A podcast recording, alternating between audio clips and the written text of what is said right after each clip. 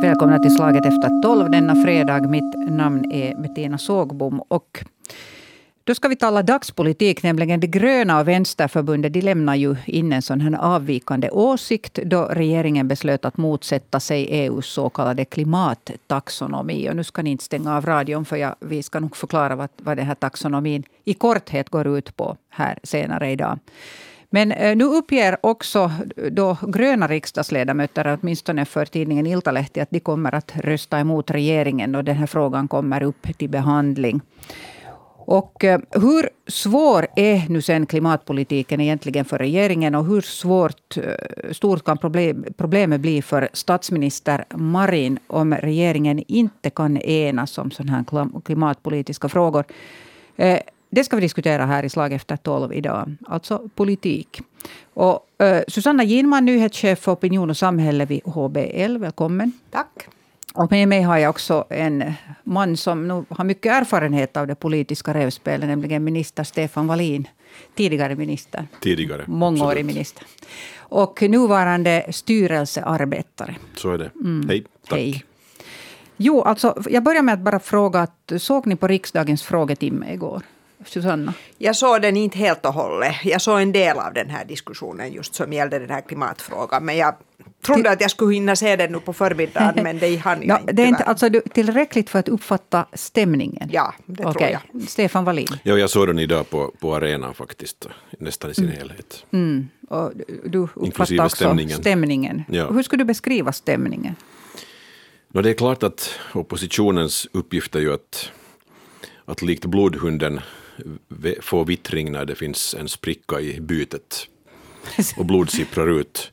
Och när regeringen är bevisligen oenig i en sån här fråga och, eh, och det är liksom också en offentlig eh, sak att två regeringspartier av fem tar avstånd från regeringens majoritet så är det ju klart det, det som tysken säger gefundenes fressen för för oppositionen och då var det klart att man skulle hugga till igår på frågetimmen som fortfarande är en synlig arena mm. i direktsändning för politisk diskurs och framförallt för politiska tillkortakommanden som oppositionen upplever det. Så att stämningen var därefter.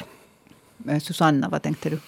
Nåja, äh, så är det ju mm. att, att oppositionen kritiserar alltid regeringen, mm. helt oberoende av vilka partier som är i opposition och vilka som sitter i regeringen. Så det är inte på det sättet överraskande. Men just i det här fallet så kan man ju ändå säga att det blir skulle det inte vara så på sätt och vis allvarliga frågor så skulle man säga att det nästan är tragikomiskt eftersom oppositionspartierna tycker ju som då regeringens majoritet nu har fastnat för att tycka. De har samma åsikt om själva frågan. Eh, och det blir ju då kanske lite förvirrande mm. att, äh, att de ändå grälar så hemskt på regeringen. Mm. Det, det som kanske här är speciellt är det att, att regeringspartierna brukar ju Uh, speciellt i en sån här ganska färggrann kombo som vi har just nu och som vi hade till exempel under Katanes regering. Så det är inte otänkbart eller, eller ovanligt att man har olika uppfattningar i en substansfråga, men man brukar så att säga göra upp internt. Och utåt sett håller man god min i elakt spel och, och ser åtminstone eniga ut. Men det som är nytt här är ju det att vi har två regeringspartier som helt inför öppen ridå opponerar också sin statsminister i den här frågan. Och det här är på sätt och vis, det är kanske lite nytt. Men det är Vilka också, två partier för att understryka? No, det är väl nu Vänsterförbundet De gröna som, som har tagit avstånd från regeringens majoritet I, i, den, här i, i den här frågan som, som nu diskuterades igår i frågetimmen. Och det är ju på sätt och vis också en slags konsumentupplysning därför att, att om regeringen internt är oenig så är det kanske inte helt fel om det också syns utåt. Och det här gäller kanske speciellt nu de gröna, men också Vänsterförbundet som har väldigt stort behov av att klamra sig fast vid vissa för dem viktiga symbolfrågor. Och skulle, skulle de gröna låta sig duperas i en fråga som de upplever och deras fält upplever att det är essentiell för klimatpolitikens trovärdighet och för de grönas relevans som regeringsparti så han, i ett sådant läge, så då, då skulle det vara ganska konstigt. Så det, det, därför, därför är det helt begripligt att de gröna nu vill, vill också opponera sig och synas, även om det kanske har ett politiskt pris med tanke på deras position inom regeringen. Och på samma sätt kan man ju säga att det är begripligt att då de tre andra partierna, SDP och Precis. Centern och SFP, eh, också positionerar sig som de då har gjort. För det av, av liksom, de har samma anledning så att säga att, att göra det. Men det är klart att det kommer man ju inte ifrån att att visst är det ju anmärkningsvärt att regeringen är oned, oenig och att man är det så här öppet. Men sen för att igen återgå till det här liksom substansen å ena sidan och spelet och den andra sidan så vet vi ju att det är då Sverige och Finland och Österrike inom EU som är kritiska till det här beslutet. Det är väl en förordning i EU och det där och de och det är liksom rent cementerat. Så oberoende av vad som nu sägs i Finlands riksdag eh, eller en minoritet i regeringen så vet vi hur det kommer att gå i det här fallet. Jag, jag, jag tror att jag måste förklara nu, det här tax, för jag förklarade tidigare här att vi, vi inte ska använda ord som ingen förstår. Och jag, jag skulle vilja påstå att största delen av finländarna har ingen aning om, om vad det här taxonomin handlar om. Alltså i korthet, eh, så jag försökte nu förklara det på något så enkelt sätt som möjligt, men det är EUs klassificeringssystem för hållbar finansiering. Och det ska förebygga då eh, grön tvätt, alltså så kallad greenwashing, på finansmarknaden. Och så ska det styra pengar till det som eh, uppfattas som hållbara investeringar. Alltså stödja hållbara eh, företag, håll, hållbara startups, hållbara energiproduktion, allt sånt här. Och det, det, är liksom det som det är i ett eh, nötskal, det är ett regelverk för var, vad EU anser då vara hållbart. Och det är då när man börjar lista upp att vad är hållbart och vad är inte. Så, så här finns ju det här med skogen som nu har ställt till med, med krokel här och, och konflikt inom Finlands regering är bara en del av hela den här taxonomin. Och det som eh, då har ställt till här med, med eh, meningsskiljaktigheter och, och, och disputer. Så det handlar om till exempel att vad är då hållbart? Eh, vad är naturvänligt skogsbruk? Här går åsikterna isär. Och, och nu kan vi fortsätta med den här mm. politiska diskussionen här. Därför för att, att det var alltså då så att regeringen, eh, regeringens majoritet eh, vill motsätta sig det här regelverket så som det nu är utformat med olika motiveringar. Bland annat ökad byråkrati. Och um, med, en rädsla, med en sån här uttryckt rädsla för att, att uh, finländska skogsföretag skulle uh, lida av det här. Och skogsägare. Skogsägare också. ja. Och medan igen de gröna, till exempel Maria Ohisalo, ordföranden, igår uttryckte sig åtminstone i intervjuer så att Eh, hon menar att det står som första, eh, i första meningen i regeringsprogrammet om, om klimatpolitik och att åtgärder för att förhindra klimatförändringen. Och då kan inte Finland liksom göra så här. I korthet. Mm. Jag förenklar det hemskt mycket. Nu. Men, men det, som vi, det som Susanna sa här före, Susanna Ginman sa just att att eh, det här anses nog vara eh, liksom klubbat och klart ganska långt, även om EUs ministerråd ännu ska ta ställning. Men det räcker liksom inte att vi har Finlands och Sveriges ministrar och eventuellt Österrikes som säger att de motsätter sig det kommer att gå igenom i alla fall. Så vad är det för vits att hålla på med sånt här? No, det handlar säkert nog ur regeringspartiernas synvinkel om att hur, hur man vill att det, ser, hur det, det egna agerande, partipolitiska agerande ska se ut eh, efter sommaren då vet att mjölken är så att säga spilld på EU-planet ganska långt. Och det är väl så att de här tre partierna som nu var i majoritet och Centern i spetsen så kanske låter förstå att man, man är rädd för att det finns i förlängningen sådana element i den här processen Eh, som kan till exempel öka EUs ambitioner eller möjligheter att styra finländsk skogspolitik eller skogsbruk. Hurdana element skulle det vara? No, det, skulle vara det är svårt att säga i det här skedet för att mm. det finns ingenting på bordet men, men månne inte EU har förmåga att hitta på element i olika sammanhang med medlemsstaternas goda vilja förstås. Det är lite kryptiskt nu, men du har ju själv SFP-partitillhörighet, så varifrån får du din information? Nej, jag, nej, jag, har, jag har nog min egen information. Men sen å andra sidan så kanske de gröna till exempel hoppas på att EU ska i förlängningen komma på nya redskap och element för att börja styra vår skogspolitik. Man har liksom mm. samma problembild men, men angriper den från olika vinklar. Därför att man har olika intressen och uppdrag. Och, och för de gröna handlar det här naturligtvis om att, att också om det nu inte direkt är liksom klimatpolitikens kärna, så kan ju skogsbruket och, och kolsänkor och annat förknippas med klimatpolitikens stora bild. Och i ett sådant opinionsläge som de gröna befinner sig i nu, eh, så kan de inte ta några risker att framstå som, som flat i sådana frågor som har att skaffa med hållbarhet, hållbar utveckling, hållbart skogsbruk, klimatpolitik. Och därför är man, åtminstone för säkerhets skull, men säkert också helt uppriktigt, av den åsikten att den här, den här eh, frågan borde ha eh, också understötts av Finlands, Finlands regering. Mm. Susanna här, Ja, här finns ju också det här att om jag nu har förstått rätt, för jag måste ju säga att det här är verkligen nu inte ett område som jag kan hemskt bra. Du menar eh, själva taxonomin? Ja. Vet men du, det, det är där, inte många som... jag har ändå förstått, det finns ändå de som förstår det. Jo, det finns här ja, hos oss Jag har ändå förstått att, att när det gäller miljö och klimat så då har ju liksom EU så att säga någonting att säga till om. Medan när det gäller uttryckligen skogsbruk och skogspolitik så är det en nationell fråga. Och nu, är vi alltså, nu handlar det då om saker som man kan på goda grunder säga att de hör liksom till båda två. Så hur ska man då eh, begå att då har ju på sätt och vis alla rätt. Både de som säger att skogspolitiken är nationell och tassarna bort och de som säger att men det här har med klimat och miljö att göra och det är igen inom e EUs juris, jurisdiktion. Så, så det är komplicerat. Mm. Men hur borde en sån här debatt föras? Nu, jag menar, jag själv reagerar ganska starkt nu för tiden på riksdagens frågetimmar. Inte bara den här frågan, utan, utan över att det blir en sån här makalös show. Det, du hade igår också på frågetimmen flera som steg upp och, och, och sa sånt här som att Ja, statsministern, varför vill ni ta brödet från eh, munnen på skogsägarna i Finland? Det är ungefär som att ställa frågan att när slutar du slå din fru?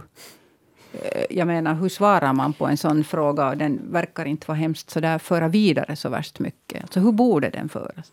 No, frågetimmarna är ju på sätt och vis det är ju ett skyltfönster för, för politiska passioner och, och, och varmluft som finns i den politiska debatten. Och, och inte sällan en spegelbild av det som har funnits på löpsedlarna eller, eller rubrikerna i morgontidningarna. Eller samma, i Timo Haapalas kolumner.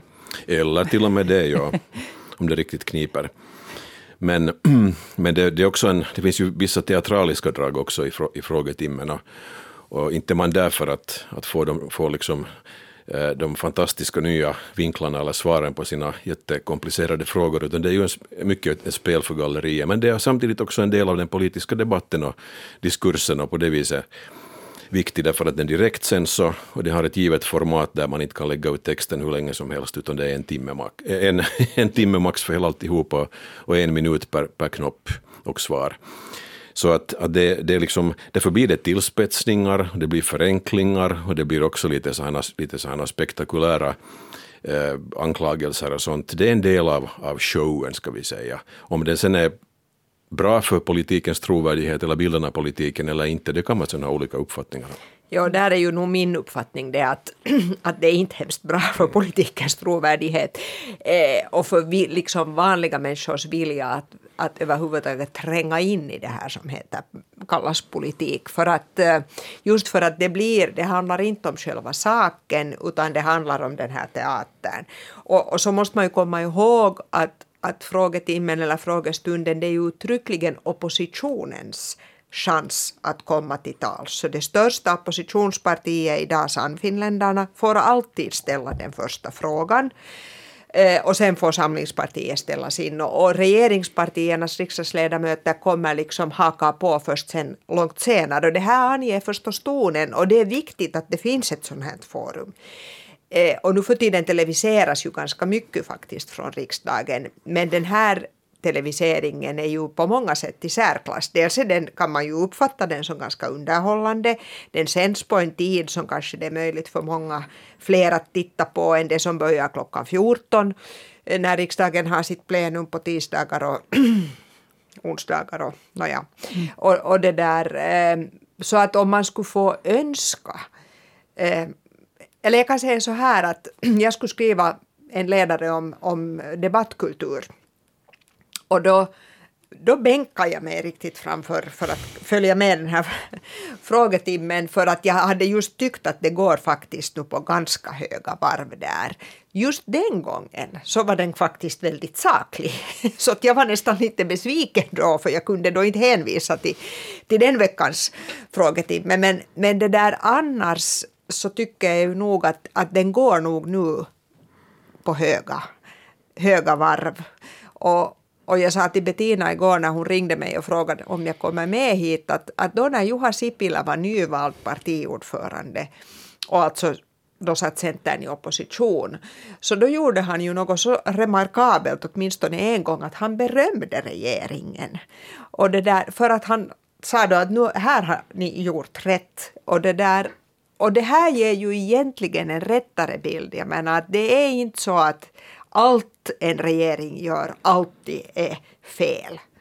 Eh, utan det skulle vara på något sätt välkommet om man skulle kunna nyansera lite och, och, och, diskutera själva saken och också kunna liksom både säga när det är bra och när det är dåligt. För, mm. för det är det man ändå måste göra i slutändan på sätt och vis.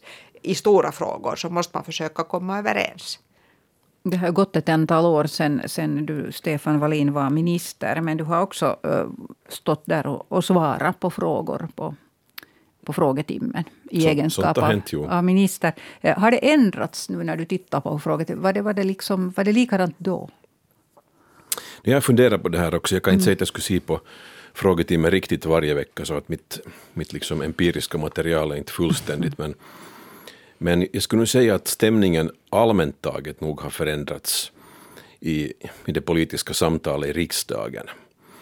Och, och det har kanske delvis med frågetimmarna att skaffa. De har kanske blivit nog som sagt mera teatraliska och mera så här spel för, för galleriet än tidigare och mycket genomtänkta. Varje fråga som ställs så är i stort sett förberedd på, på förhand av, av en eller flera personer och, och, och orden är vägda på guldvåg och, och följdfrågorna lika så.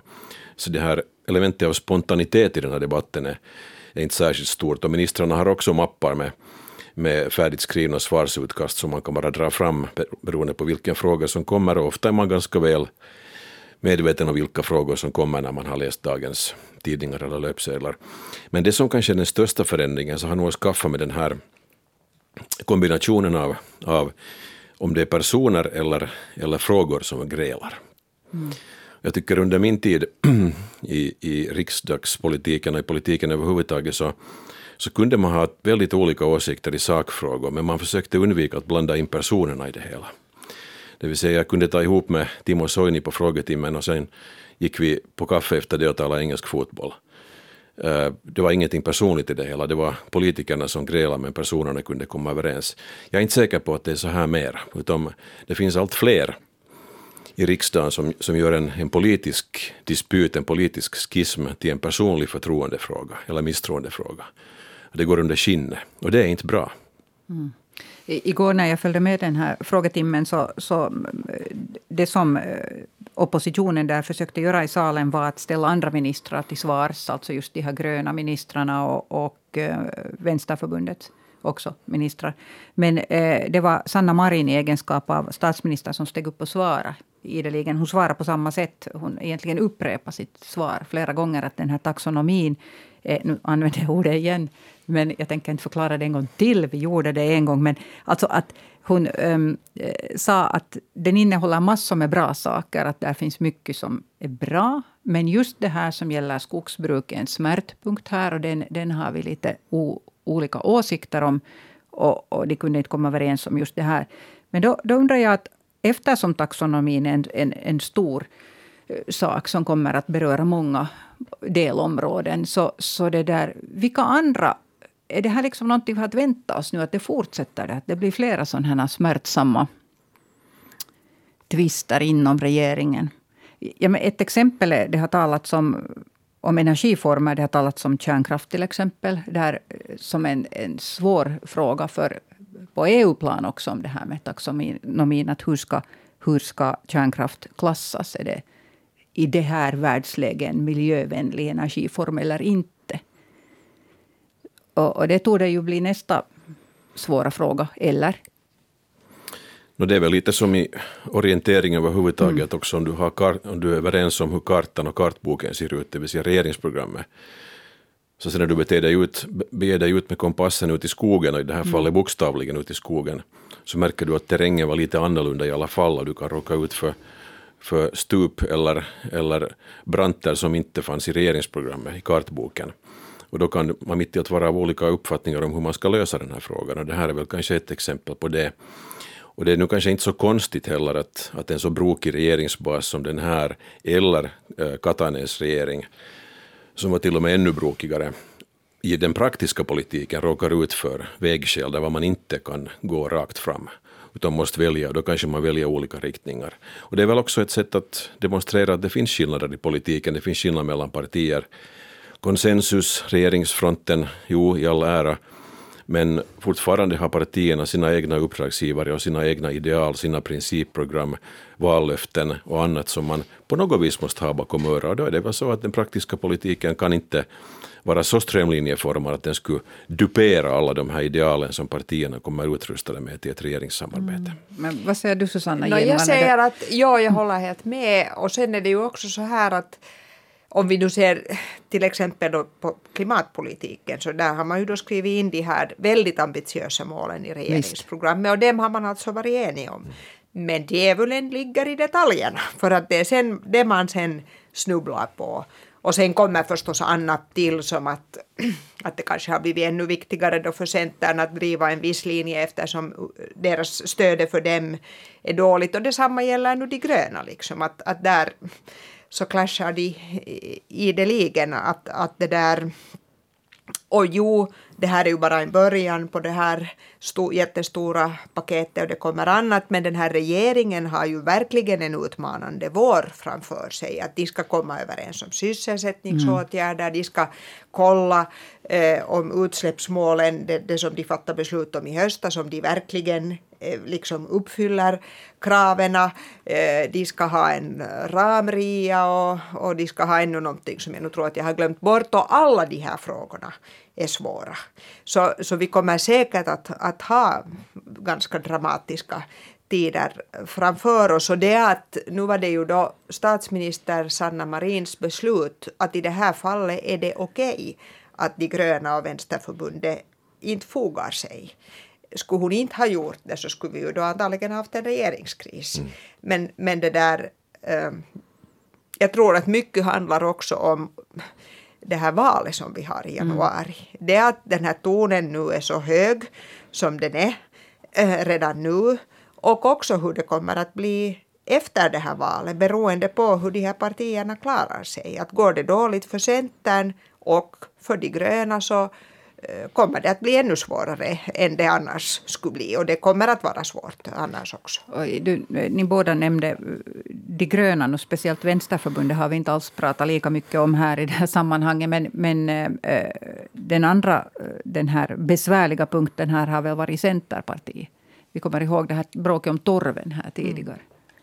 Ja, Centerpartiet ja. kan nog inte anklagas för att ha ett dåligt självförtroende. Att man gör först i riksdagsvalet 2019 sitt sämsta val på 102 år mm. och förlorar 40 procent av sina mandat. Men inte desto mindre så ett halvår senare har man avsatt statsministern och har fortsatt att hålla ordentliga tumskruvar på, på regeringskumpanerna, vilket man förstås har helt sin legitima rätt, rätt att göra som, som regeringsparti. Men det som jag tycker är också talande för kanske just Centern och och, och gröna och vänsterförbundet, det är att när man befinner sig i en så här lite osalig blandning av, av regeringspartier, alltså rent ideologiskt, och också Katainen-regeringen var ett exempel på det, så blir ju slutresultatet oftast kompromisser där var man tvingas ge upp en massa av sina gamla, gamla käpphästar och ideologiska käpphästar och målsättningar. Och då blir vissa symbolfrågor och symbolsegrar desto viktigare så man kan visa åt sitt fält att hej, att inte har vi glömt våra ideal, vi har ändå fått igenom det här och det här. Och för Centern har det till exempel varit torven. Mm. Och för Vänsterförbundet så blir den här exitskatten nu i budgetrian som är ju egentligen eh, väldigt minimal både liksom polit, politiskt och praktiskt, men det är en viktig symbolfråga för Vänsterförbundet. Och för de gröna är allt som har med klimat politiken och skaffa jätteviktiga symbolfrågor. Det, det, det, och de här blir större mm. än sitt, sitt liksom värde därför att de har en så stor politisk betydelse mm. för partierna att kunna legitimera och förklara och motivera sin, sin regeringsmedverkan för sitt eget fält. Speciellt i ett läge där ett val igen närmar sig och, och, och, och förtroende ska mätas. Men det är just det jag är lite ute efter. Alltså om, om, om Centern upplevdes som att de vann med torvfrågan, att de satt då hårt mot hårt och de vann, så uppfattas det att, att Vänsterförbundet vann med, med den här exitskatten. Så äh, är det nu liksom de grönas tur att de måste få mm. någonting? Nu finns det ju en, säkert finns det de som håller någon slags så här score sheet i mm. regeringen, bockar av att vem som har fått vad. Mm. Och nu brukar det finnas sådana bokförare.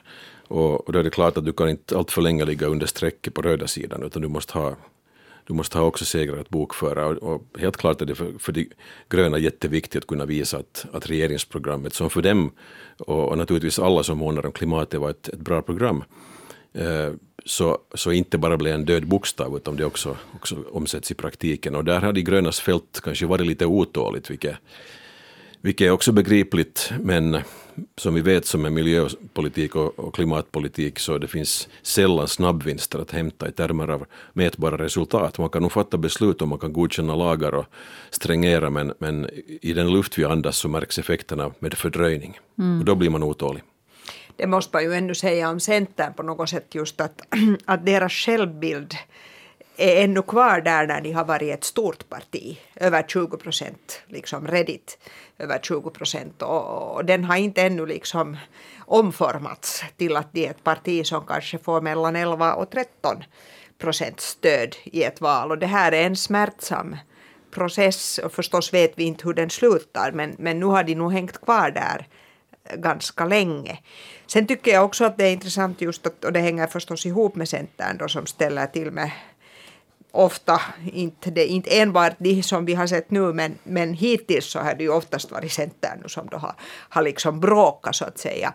Men om man ser på, på re, de regeringspartier som inte muckar gräl i offentligheten så landar man på SFP och Vänsterförbundet, vilket är ganska intressant att de här två partierna väljer att inte, för det mesta att inte ta det eller för SFPs del kanske man kan säga alltid, att inte gå den offentliga vägen utan påverka på, på andra sätt. Att eh, VF är kanske inte riktigt lika eh, klart, men, men så gott som. Det tycker jag bara är en sån här intressant notering. Men det, det, är ju små partier också, så där procentuellt sett. Så, så är ja. det. Så är det. Och jag menar, SFP mm. har ju en jättelång erfarenhet av att samarbeta i regeringen. Och och man har ju väl märkt Stefan Wallin kan bekräfta det säkert, att, att, det där, att det gäller att hålla sig väl med statsministerpartiet och att, att liksom förhandla på ett vettigt sätt. För då uppnår man, åtminstone för SFPs del, så då får man mera resultat än om man håller på och härjar och, och, och bråkar i offentligheten. Mm. Jo, det här är ju ingen statshemlighet att det är, precis, det är precis så här som det ligger till, att är man ett mindre parti så måste man ju vara väldigt noga med att välja sina strider. Och man kan inte bränna krut i alla riktningar och kanske allra minst i offentligheten. Utom, utom SFPs roll har ofta varit det att man parkerar sig av princip ganska nära statsministern och försöker vara en brobyggare och, och möjliggörare, kompromissmakare, brobyggare. Där var, där var de andra kanske, kanske trätar och, och ganska ofta har man lyckats också åtminstone delvis i de här ambitionerna. Och I det här ingår också det som jag tror att Anna-Maja Henriksson, ordförande, var ute i offentligheten med också nyligen, att man behöver inte reda ut sen tvister i offentligheten när sådana finns, utan man kan reda ut dem också internt. Det finns mekanismer och bord för det inom regeringen, man behöver inte gå via, via tidningsspalter eller Twitter. Men vi ska igen komma ihåg här att, att det har också, också skaffat med den här bilden av politiken, där partier har ett behov att visa åt sina egna, åt offentligheten, att vi är inga knähundar, vi har vår agenda och vi försvarar den och vi också står på barrikaderna för att få den igenom vid behov. Det är mycket symbolik här också. Ja, här tror jag ju, om, man ser just på SFPs roll, så tror jag att det nästan understryks just i den här regeringen eftersom Anna-Maja Henriksson är den som är mest erfaren eh, av i kvintetten och, och kanske överlag i hela regeringen. Så att det, det här, jag tror att det också liksom har, hon har en särskild roll där också av den här anledningen. Så är det. Att det där Ja, men det är sant. Alltså det, det stämmer ju också att, att alla partier ändå på något sätt har sitt behov att visa att nu har vi liksom Ja, visa på något sätt att här går gränsen, att ja. det här säljer vi inte. Mm, mm. Och, och, därför så tänkte jag att, att det kanske är det som de gröna nu signalerar här. Här, här går gränsen, men att det kommer ju att bli intressant sen när det fortsätter den här diskussionen. Att hur riksdagsledamöterna sen sist och slutligen uttalar sig, vad de tweetar och vad de gör.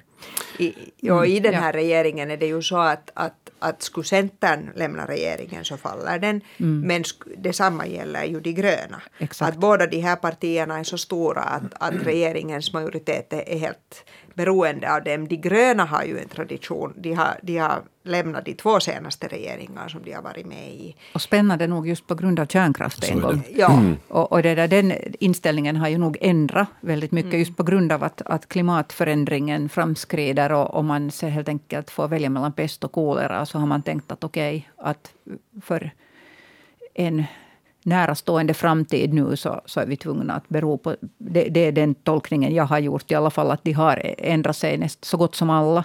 Men i Europa igen så är kärnkraft jättesvårt fortfarande för de gröna. Och då har våra gröna EU-parlamentariker en svår sits med en fot i båda världarna. Eh, så att det blir en intressant diskussion säkert också i något skede.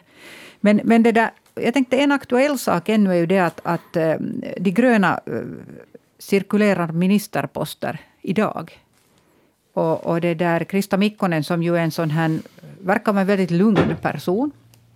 Inte en sån som söker konflikter och så där. Och, och igår också under frågetimmen sen när hon svarade så var hon väldigt, väldigt saklig och, och höll sig väldigt, väldigt till, alltså uttryckligen till sak. Hon byts ut mot Emma Kari. Och eh, så blir hon själv inrikesminister och Maria Ohisalo blir föräldraledig. Och, eller moderskapsledig nu. Hon ska snart få barn. Och eh, vad tror ni, ändras någonting månne inom hur de gröna nu tar sig an den här frågan till exempel? Emma Kari istället för Krista Mikkonen som miljöminister. Ja, det är svårt att säga. Krista Mikkonen är ju, som jag åtminstone har upplevt det, starkt substansorienterad och kan nog sin sak.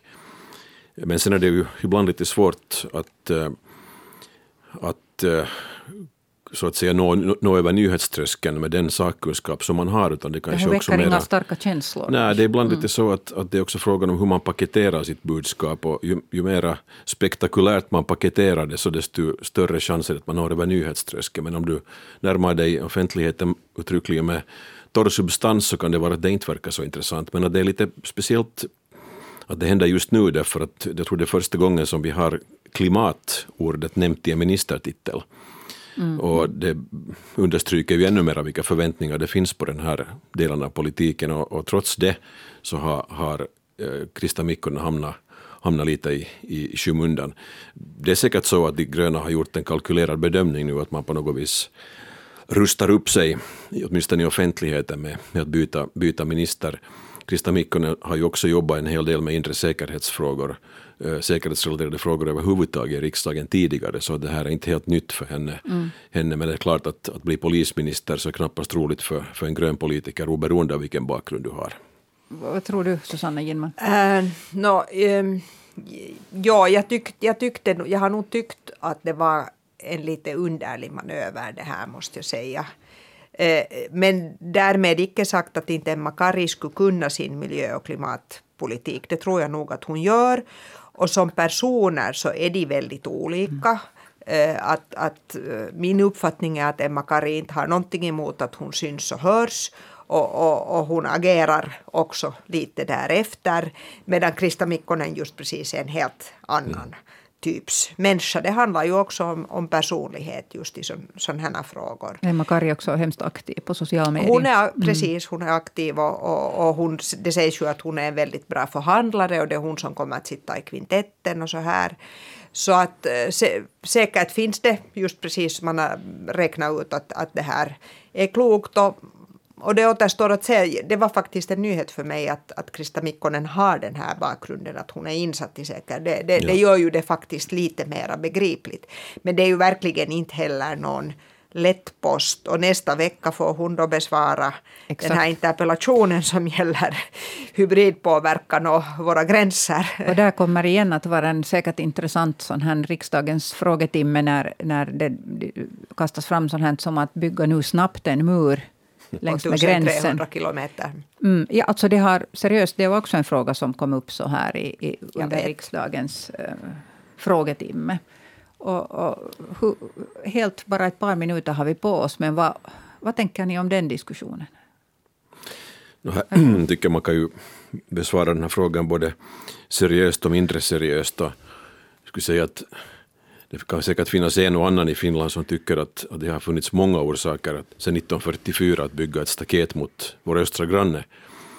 Men det att politiker idag vaknar upp inför behovet av ett staket av den här orsaken som vi nu ser, det tycker jag är lite spektakulärt, till och med vämjeligt. Ja, jag håller helt med. Alltså om, om den frågetimmen för en vecka sedan handlar ju väldigt mycket mm. om det här. Och, och min jag tyckte faktiskt att oppositionspartierna då piskade upp en panikstämning. Jag, jag tyckte inte att det var att det var, det var långt, långt från saklighet måste jag säga. Eh, och sen en sak till just när det gäller de här frågetimmarna som ju då ändå många följer med som faktiskt bekymrar mig och det är det att, att ofta händer det nog att riksdagsledamöterna ger en väldigt snedvriden bild av sakernas tillstånd och, och de, jag påstår inte att de ljuger, men de, men de ger en liksom eh, de säger bara en del fakta och där tycker jag att man ofta går över gränsen. Jag tycker att det skulle vara oerhört viktigt just i dagens debattklimat att man ens försöker ge någorlunda liksom helhetsbild av saker och ting. Men där, där, det är nog långt ifrån det tyvärr. Jag tror en orsak är nog det att offentligheten fungerar ju så att om du ställer din fråga eh, på ett sätt där du spetsar till och förenklar och till och med använder dig av halvsanningar, eh, starkt språk, bildspråk, kritik, så är det med större sannolikhet som du också citeras i både tv och radio och tidningar. Och det här är en driver, en morot för politiker att, att tänka på när de svarvar ihop sin fråga inför frågetimmen. Mm. Dessvärre dess bättre. Tack ska ni ha båda två för att ni kom hit idag. Susanna Ginman och Stefan Wallin. Det är fredag idag och det betyder att slaget efter tolv tar veckoslutsledigt och återkommer på måndag med en ny debatt. Samma tid, samma kanal då. Ha ett skönt veckoslut båda två också, ni som lyssnar. Tack detsamma. Tack.